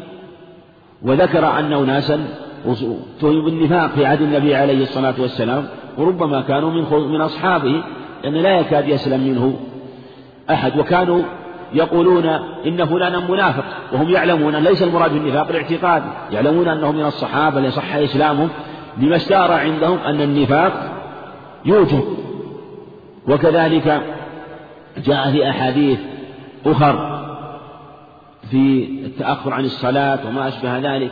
ولهذا كان الأظهر والله أعلم أن المراد هو النفاق العملي النفاق العملي. وعمر رضي الله عنه حين قال أسألك هل هل عدني رسول المنافقين أراد به النفاق العملي. لكن هذه الخصال الأربع إذا استحكمت في الإنسان فإنها قد تقوده إلى النفاق الاعتقادي. لأن الما إذا كانت المعاصي كما يقول العلماء بريد الكفر وهي رسول الكفر وهي المعاصي فأقبح المعاصي هي المعاصي الباطنة وهو النفاق. فإذا كانت موجودة ويعمل بها واستمر على ذلك فإنها قد تقوده إلى النفاق الاعتقادي ومن ذلك كما إذا حدث كذب. ومن كان كاذبا فلا يوثق في قوله. وأعظم الكذب الكذب على الله. والكذب مراتب. مثل ما نقول النفاق مراتب. و وإذا وعد أخلف. والوعد ومن وعد وجب عليه الوفاء. هذا هو الصحيح. وإن كان خلاف قول الجمهور. يجب الوفاء بالوعد. لأنه جعلها النبي من صفات المنافقين. أيضا. في قوله تعالى كبر مقتا عند الله أن تقولوا ما لا تفعلون. و لكن من إذا وعد وكان من نيته أن يفي فلم يفي بعذر فلا شيء عليه. إذا كان من نيته ولكن لم يفي عذر. ومن وعد غيره وعلقه وبشيء وقال اعمل كذا وأعطيك لزمه على الصحيح. فلو قال لإنسان اشتر هذا الشيء وأنا أعطيك هذا المال. فدخل في هذه المعاملة لازمة. والصحيح أيضا أنه يلزمه ولو لم يعلقه على شيء. هذا هو الصحيح. لأن إخلافه من صفات المنافقين. فإذا وعد وجب عليه أن يفي بالوعد. لأنه يتضمن إخلاف الوعد ويتضمن الكذب في القول. وكذلك الخيانة في الأمانة من أقبح الخصال. كذلك الفجور في الخصومة. وإذا خاصم فجر وكذلك العهد ولزوم الوفاء به والغدر فيه من أعظم الخصال سواء كانت عهودا أو عقودا خاصة أو عقودا عامة فإنه يجب الوفاء بها في العهود يكون بين الناس بين الرجل لزملائه بين الرجل لإخوانه بين الرجل لزوجته وهكذا جميع أنواع العهود والعقود. نعم. وعن ابن مسعود رضي الله عنه قال قال رسول الله صلى الله عليه وعلى آله وسلم سباب المسلم فسوق وقتاله كفر. متفق عليه. وهذا أيضا من, من الأمور المحرمة والأخلاق السيئة وهو المشابة السباب. وهو المشاكمة والمخاصمة. سباب المسلم فسوق وقتاله كفر. فرق بين السباب والقتال. فالسباب فسوق والفسوق هو الخروج عن الطاعة. فسقت التمرة القشر إذا خرجت. ومن سمية الفويسقة الفأرة لخروجها عن سائر الدواب بإفسادها وقتاله كفر. كذلك قتال المسلم كفر. ولهذا قال النبي عليه الصلاة والسلام لا ترجعوا بعدي كفارا يضرب بعضكم رقاب بعض. فلا يجوز قتال المسلم لأخيه المسلم لكنه لا يخرجه من الإيمان. وهذا يبين أن من المعاصي ما هو كفر لكن نعلم أن الكفر كفران. وأن الفسق فسقان وأن النفاق نفاقان وأن الظلم ظلمان وهكذا. وهذا هو الشفاء والنور الذي هدى الله له أهل السنة والجماعة حيث فرقوا بين الكفر الأكبر والكفر الأصغر والنفاق الأكبر والنفاق الأصغر والشرك الأكبر والشرك الأصغر. جاءت النصوص بالشرك ولا فرق بين الشرك والكفر. سمى الشرك الشرك الشرك الأصغر كذلك الكفر كفر أصغر. فإذا جاءت النصوص في شيء من المعاصي التي قد علم أنها ليست من الكفر فإنه يكون كفرا أصغر. مثل ما نفى الإيمان ومثل ما أثبت الإيمان للمقتتلين ووصف الإيمان وكذلك أيضا قال قتاله كفر مع أن أثبت لهم وصف الإيمان. وإن طائفتان من المقتتل فأصلحوا بينهم سماهم من أهل الإيمان قتال وهنا قال قتاله كفر وقال لا ترجعوا بعد كفار يقتلوا بعض يضرب بعضكم بعض. فكانوا مع القتال معهم أصل الإيمان. ولهذا ينبغي لطالب الحق أن ينظر. فما جاء من النصوص في شيء قد علم أن صاحبه من أهل الإسلام وسمي فعله كفرا فهو كفر نسميه كفر. لكن ما نسميه بالك... نسمي عمله كفر ولا يكون كافرا إلا بالخروج عن الإسلام. كذلك النفاق الاعتقادي مثل ما تقدم معنا في هذه الخصال. نفاق عملي وهنالك نفاق الأكبر نفاق المنافقين الذين هم تحت الكفرة في الدرك الأسفل من النار تحت الكفار. كذلك الشرك كما تقدم والفسوق. وهكذا النبي عليه الصلاة والسلام نفى الإيمان قال لا يزني الزاني حين يزني وهو مؤمن. ومع ذلك طهر النبي عليه الصلاة والسلام أهل الإيمان بإقامة الحدود. ولو كان الزاني كافر لوجب قتله كما يقتل المرتد. كذلك شارب الخمر لم لا تطهره الحدود إذا كان كافرا. كذلك السارق ولكن الحدود كانت مطهرة لهم مطهرة لهم. فدل على أنها ليس المراد ليس كفرا أكبر. ولهذا قال النبي عليه يخرج من النار. من كان في قلبه مثقال ذرة مثقال حبة مثقال خردلة بين أنهم من أهل الإيمان وأنهم يخرجون من النار لأجل إيمانهم وذلك لما عندهم من المعاصي. التي وقعوا فيها. وهذا يبين ما سبق التنبيه إليه أن النفي إذا جاء في الشارع فإنه لنفي لمسمى الاسم الواجب. ما يمكن يسمى كمال كمال الإيمان. ولهذا لو كان النفي لكمال الإيمان ما استحق ذاك العاصي الذي يفعل الإيمان العقوبة أو أو أو, أو لم يعاقب. لا أقول لا النبي يستحق أقول لم يعاقب الله عز وجل سبحانه وتعالى لأنه قد أدى الواجب عليه قد أدى الواجب عليه ولكنه سبحانه وتعالى يعذب من يشاء لتركه الإيمان الواجب. الذي يستحق الذي يحصل له النجاة من النار لكن لا يحصل له به لا يحصل له به النجاة من النار إلا بأصل الإيمان الواجب. ويستحق الدخول في النار إن لم يعفو الله عنه لانتفاء مسمى الإيمان لانتفاء مسمى الإيمان الواجب لانتفاء مسمى الإيمان الواجب. فهذا من هذا ولهذا قال وقتاله كفر والمراد به كفر الكفر الأصغر كما تقدم. نعم. وعن أبي هريرة رضي الله عنه قال قال رسول الله صلى الله عليه وعلى آله وسلم إياكم والظن فإن الظن أكذب الحديث. متفق عليه. نعم إياكم والظن أين الظن أكذب إياكم. تحذير يعني اجتنبوا الظن.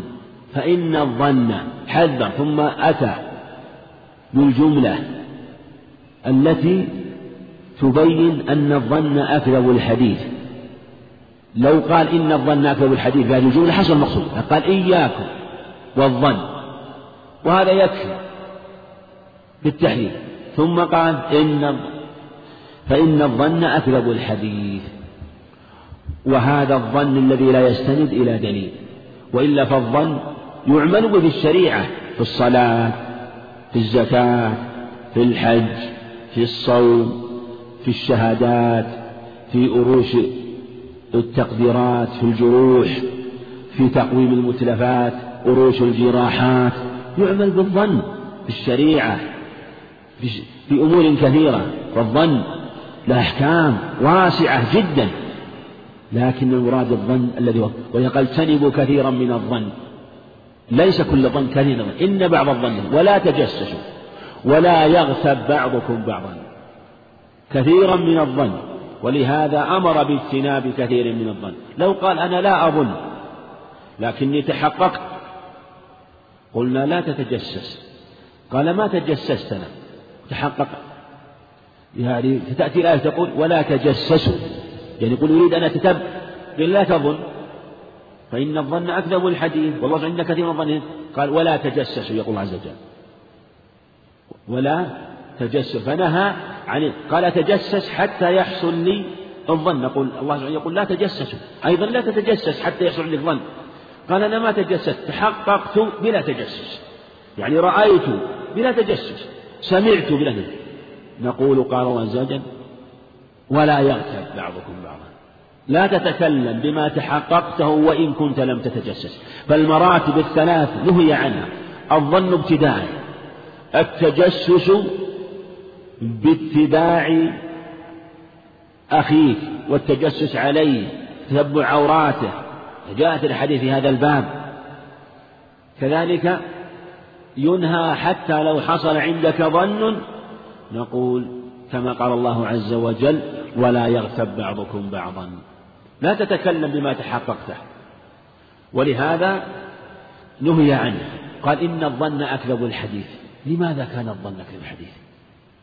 لأن الكذب نوعان. كذب واضح. مثل إنسان يكذب ونعلم أنك كاذب. ما يستند إلى دليل. ما يستند إلى دليل. هذا كلمة واضح لكن إنسان كذب ظن واستند إلى ظن لا يستند إليه. ظن نوع تجسس أو توهم أو شيء لا يصح الاستناد إليه. في فيتكلم بمقتضى ظنه. فهذا في الحقيقة إذا تكلم يوهم غيره ممن لا يعرف أنه صادق. يعني يقول أنا استند إلى كذا وكذا وقد لا يعرف غيره هذا المستند صحته من كذبه.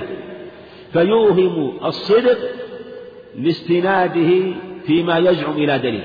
وهذا أقبح الكذب لأنه يظن أنه صادق وهو من وهو كاذب. وهو في طبقة الكذب الصريح مثل الكفر مع النفاق.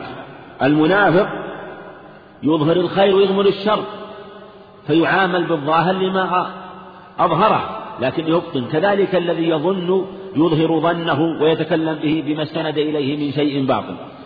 والظن كما تقدم له أحكامه.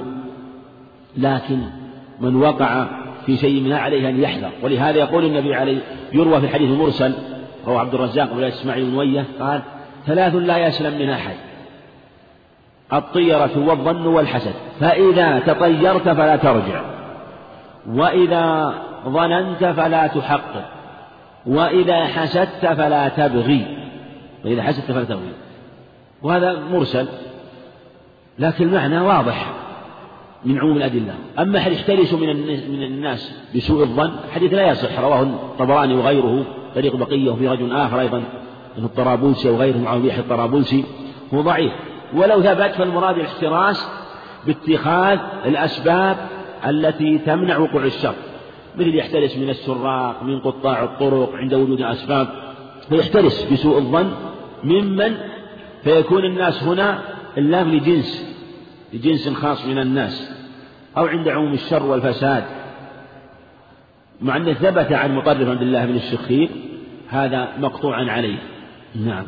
وعن معقل بن يسار رضي الله عنه قال سمعت رسول الله صلى الله عليه وعلى آله وسلم يقول ما من عبد يسترعيه الله رعية يموت يوم يموت وهو غاش رعيته إلا حرم الله عليه الجنة. متفق عليه. وهنا أيضا أيضا ننبه عليه حتى لا يفوت وهو الظن الواجب وهو حسن الظن بالله عز وجل. لأن الظن بالله واجب حسن الظن بالله. ولهذا يقول الله عز وجل أنا عند ظن عبدي بي متفق عليه. عند أحمد فإن ظن بي خيرا فله وإن ظن بي شرا فله. وعند أبي داود وغيره أنه عليه الصلاة والسلام حسن الظن من حسن العبادة حسن الظن من حسن العبادة. ولهذا من حسنت ظنونه حسنت أعماله ومن ساءت ظنونه ساءت أعماله. فالعبد يجب أن يحسن ظنه بالله. فإذا عمل يكون عمله عند حسن الظن.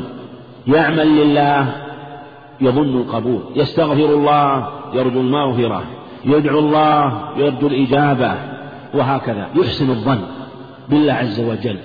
ومنه حسن الظن بإخوانه المسلمين. ولا يجوز سوء الظن بالمسلم إلا من قام مقام التهم.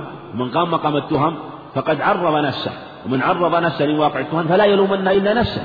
ولهذا قال النبي عليه الصلاة والسلام في حديث عائشة البخاري ما أظن فلانا وفلان يعرف يعرفان من ديننا شيئا. فال فالظن ظن الشر أو السوء بمن قامت به أسبابه فهذا ربما كان مشروعا. وهكذا كان النبي عليه الصلاة والسلام. لكن الإنسان يحذر وأن يقي ويتوقع مواقع التهم ولهذا في الصحيحين أنه عليه الصلاة والسلام لما كان مع صفية ومر برجل الأنصار فأسرع لما أراد أن يقلبها إلى بيتها فمر به فأتاه أسرع قال على سلسلكما إنها صفية قال سبحان الله يا رسول الله قال عليه الصلاة والسلام إن الشيطان يجري لفظ الصحيح إن الشيطان يبلغ بابن آدم مبلغ الدم أو مجرى الدم فخشيت أن يقذف في قلوبكما شرا أو في رواية أو قال شيئا. يقذف ولهذا مبدأ سوء الظن من الشيطان. ويسد الأبواب بسوء الظن. بالله عز وجل ومن ومن مما ينبغي أن العبد حينما يعمل يرجو عند الله عز وجل القبول. وهذا الرجاء عمل صالح. يضيفه إلى عمله الذي عمل إنه عبادة يتعبدها لله سبحانه وتعالى بقلبه. نعم. وعن حديث معقد بن يسار والصحيحين في حسن القيام على الرعية وأن يجب من له ولاية عامة أو خاصة أن ينصح لهم وأن يحوطهم بنصحه. يموت وهو يموت إلا حرم الله عليه الجنة. في الظاهر عند مسلم إلا لم يدخل معهم الجنة. ما من عبد يسترعيه إلا يموت يوم يموت وغاش لرعيته إلا حرم الله عليه الجنة. هذا ما ثبت في عدة أخبار عنه عليه الصلاة والسلام. وهذا في وهذا الحديث فيه تشديد وبيان لخطر الولايات العامة والخاصة وأن شأنها عظيم وشديد وأن من قام بها حق القيام فإن حسناته عظيمة ومن لم يسترعيها حق الرعاية فإن السيئات عظيمة لما يترتب عليها من المصالح العظام عند القيام بها ومن المفاسد العظام عند التفريط فيها وهو الرعاية لمن يوليه الله عز وجل هذه سواء كان رعاية خاصة أو عامة. وفي حديث ابن عمر الصحيحين كلكم راع وكلكم مسؤول رعيته الإمام راع ومسؤول رعيته والرجل راع فلبيته بيته مسؤول عن رعيته والمرأة راع في بيته مسؤول عن رعيته والخادم راع فلشيء شيء مسؤول عن رعيته ألا فكلكم راع وكلكم مسؤول عن رعيته. وهذا المعنى ثبت في عدة أخبار. أيضا قاله معقل بن يسار رحمه الله رضي عنه عبيد الله بن زياد لما جاءه في مرض موته حديث عائل بن عامر إن شر عند مسلم إن شر الرعاء الحطمة. هذا مناسب حديث عائشة الذي بعده الرفق بالرعية. ومن أعظم النصح للرعية هو تولية أهل الخير والصلاح بمن يرعى ولايات المسلمين. ولهذا يقول النبي عليه الصلاة والسلام فيما رواه أحمد وغيره ما من عبد يولي على عصابة من المسلمين. رجلا فيهم أرضى لله ورسوله منه إلا إلا وقد خان الله ورسوله والمؤمنين. فهذا هو الواجب الرعاية والقيام على ما من على من والله الله عليه في جميع أمورهم. وأعظم الرعاية هو القيام بحقوق الله عز وجل بإقامة الدين. وأعظمها إقامة الصلاة وإقامة الحدود والحقوق الواجبة. للعباد بعضهم على بعض. والقيام بالأمر بالمعروف والنهي عن المنكر. هذا هو صلاح العباد والبلاد. وأعظم الحقوق وأعظم الولايات. بل قال العلماء إن الولاية الولاية هي الولاية الولاية وقيامها هو القيام بأمر الله عز وجل بالأمر بالمعروف والنهي عن المنكر والقيام على ذلك. إذ به يحصل الخير والصلاح للراعي والرعية. ولا يكون ذلك إلا بالرعاة الصالحين الناصحين. وهذا من أوجب الواجبات والقيام بالحقوق والحدود حفظهم في حدودهم وحقوقهم وحفظ وحفظ الأموال وما أشبه ذلك من حقوق الواجبة. وكذلك الرعاية الخاصة رعاية الرجل على بيته بتربيتهم والعناية بهم. قال يموت ويوم وهو غاش لرعيته. إلا حرم الله عليه الجنة. وهذا وعيد شديد.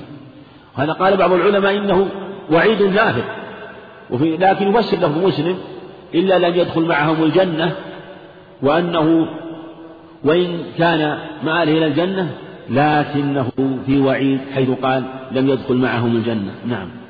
وعن عائشة رضي الله عنها قالت قال رسول الله صلى الله عليه وعلى آله وسلم اللهم من ولي من أمر أمتي شيئا فشق عليه. فاشفق عليه. فشق عليهم فاشفق عليه. أخرجه مسلم.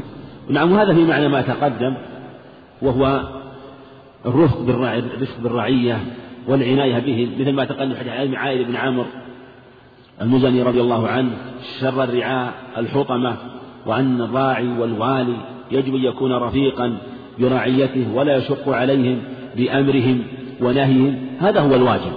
هذا هو الواجب في القيام على الرعية والإحسان. إليهم والرفق بهم فالرفق ما دخل في شيء إلا زان ولا نزع من شيء إلا شانه كما قاله النبي عليه الصلاة والسلام في حديث عائشة. والله سبحانه رفيق يحب الرفق في الأمر كله وأعظم الرفق هو الرفق على الرعية. ولهذا كان النبي عليه الصلاة والسلام إذا كان في سرية أو في غزو يرفق بهم كان يعتني برعايتهم عليه الصلاة والسلام. بل كان صلوات الله وسلامه عليه من رفقه أنه كان إذا ذهب أحد أصحابه في غزو سرية وكان ليس لأولاء لعياله من يقوم عليه يقوم عليه سنج عنايته ورعايته تقول ابنة خباب كما روى أحمد في مسنده أن خبابا خرج في سرية. قالت فقالت ابنة خباب فكان رسول الله صلى الله عليه وسلم يأتينا فيحلب عنزا لنا. يحلبها صلوات الله وسلامه عليه. فنشرب. وكان يقوم عليهم. فلما جاء وكان يمتلي الإناء حتى تظهر رغوته. تظهر. قال فلما جاء خباب وأخبرته بذلك وكانت قبل ذلك لا تحلب إلا شيئا يسيرا. فلما حلب خباب رجعت إلى ما كانت. وهكذا كان أبو بكر رضي الله عنه يسعى على الأرامل والمساكين ويخدمهم حتى إن بعض الصحابة طلحة بن عبيد الله والزبير غيرهما كان مرة يمشي خلفه رآه يمشي في الليل فجعل يمشي خلفه ينظر أين يذهب فوجده دخل على امرأة عمياء وكان يقوم عليها يطبخ لها ويعتني بها رضي الله فقال عاد إلى نفسه قال يا فلان تتتبع عثرات عمر تتتبع عثر أعمر يتتبع عثراته وجده يستسر بعمل رضي الله عنه. وهذا المعنى ثابت في قصص كثير رضي الله عنه. هذا من أعظم الرفق بالرعية وهو من أعظم الصيانة والحياطة والحفظ للشريعة والحفظ للعباد والبلاد والحفظ من المخاطر. لأن كما تقدم حين عباس احفظ الله يحفظ هذا ضمان من الله عز وجل. وأعظم الحفظ هو أن يحفظ الله عز وجل في الحقوق العامة التي أمر بإقامتها وما حفظت أمة حقوق الله إلا حفظها سبحانه وتعالى. وتتناهب البلاد والفتن تقع من حولها. لكن إن دخلهم ما دخلهم دخلهم من الفتن بحسب ذلك بحسب تضييعهم لحدوده وحقوقه سبحانه وتعالى. نعم. وعن أبي هريرة رضي الله عنه قال قال رسول الله صلى الله عليه وعلى آله وسلم إذا قاتل أحدكم فليتجنب الوجه. متفق عليه. حديث أبي هريرة رضي الله عنه فيه أيضا إرشاد عظيم. إذا قاتل أحدكم في اللفظ الآخر عند مسلم إذا ضرب أحدكم فليجتنب الوجه وهذا المراد في المقاتلة التي بحق والتي بغير حق لعمومه أو الضرب بحق. الانسان حصل بينه وبين أخيه شيء من الخصام فالواجب الصلح ولا يجوز. لكن إذا حصل فلا يجوز الضرب في الوجه لأن ضرب الوجه مجمع المحاسن وشينه شين عظيم ويؤذي قد يؤدي إلى القتل. وكذلك يشمل الضرب في الحدود والتأديب والتعزيرات. فعند الضرب الحدود فلا يجوز الضرب في الوجه. كذلك الضرب في التعزيرات من باب أولى إذا كان في الحدود لا يضرب في الوجه فالتعزيرات أولى. كذلك في التأديب من باب أولى لأن أعظمها الحدود ثم إليها التعزيرات ثم إليها التأديب. التأديب من تأديب الرجل ولده وتأديب السيد خادمه تأديب الطالب التلميذ الأستاذ تلميذ تلميذ وهكذا. فهذا يجتنى فيه الوجه. ولهذا أمر النبي عليه الصلاة والسلام حديث بكرة التي زنت قال ارموا واجتنبوا الوجه. وهي زانية محصنة أتت تائبة ومع ذلك مآلها إلى التلف والهلاك. مع أن مآلها إلى الهلاك والتلف أمر النبي عليه الصلاة والسلام باجتناب الوجه. فكيف إذا كان هذا في حد ليس مآله إلى التلف؟ بل هو من باب الحد. أو التعزير أو الأدب من باب أولى. والعلة والله أعلم إما لأن الوجه مجمع المحاسن فيؤدي إلى الإتلاف وإما أمر آخر وعلة أخرى أن الله عز وجل خلق, خلق آدم على صورته. كما في اللفظ الآخر أن مسلم إذا ضرب أحدكم فليجتنب وجه فإن الله خلق آدم على صورته. وهذا هو العلة لكن ثمرتها أن الوجه يصان ويكرم يعني خلق آدم على صورته. يعني والصحيح على صورة الرحمن. كما في اللفظ الآخر عند ابن أبي عاصم والطبراني بإسناد صحيح فإن الله خلق ابن آدم أو في اللفظ الإنسان على صورة الرحمن. وهذا هو القول الصحيح صححه الإمام أحمد رحمه الله. ولما قيل له قول آخر خلق على صورته يعني على صورة آدم قال هذا قول الجهمية ونفض يديه الإمام أحمد رحمه الله. نعم. وعنه رضي الله عنه أن رجلا قال يا رسول الله أوصني. فقال لا تغضب فردد مرارا قال لا تغضب أخرجه البخاري. نعم وهذا الخبر أيضا فيه وصية عظيمة وهي من مجامع الوصايا. قال لا تغضب. في اللفظ الآخر عند مسلم عند عند أحمد من حديث حميد عبد الرحمن أن رجلا سأل النبي عنه قال أوصني. قال لا تغضب. قال ذلك الرجل ففكرت فإذا الغضب الغضب يجمع الشر كله. وجاء في رواية عند أحمد أنه جارية بن قدامة السعدي ولد لحنة بن قيس عن عمه جاري بن قدامة السعدي وأنه الذي وصاه بذلك عليه الصلاة والسلام. وجاء هذا المعنى في عدة أخبار وصية بعدم الغضب. عند أحمد قال إذا غضبت فاسكت أمر بالسكوت. والغضب جمرة يغلي في قلب ابن آدم. حديث أبي ذر عند أحمد وأبي داود أنه عليه الصلاة والسلام قال إذا غضب أحدكم وقال فليجلس. فإن ذهب فإن لم يذهب عنه الغضب فليضطجع. أمره أن يجلس فإن أن يضطجع. وذلك أن الغضبان ربما يتعدى وربما يستعمل يده وجوارحه لكن حينما يجلس تهدأ نفسه. وإذا لم يذهب الغضب عنه فليضطجع. وهذا أبلغ لأنه قهر للهوى الشيطان. وفي حديث سليمان سرد الصحيحين جزا الله فضيلة الشيخ خيرا على ما قدم وجعله في ميزان حسناته. والسلام عليكم ورحمة الله وبركاته.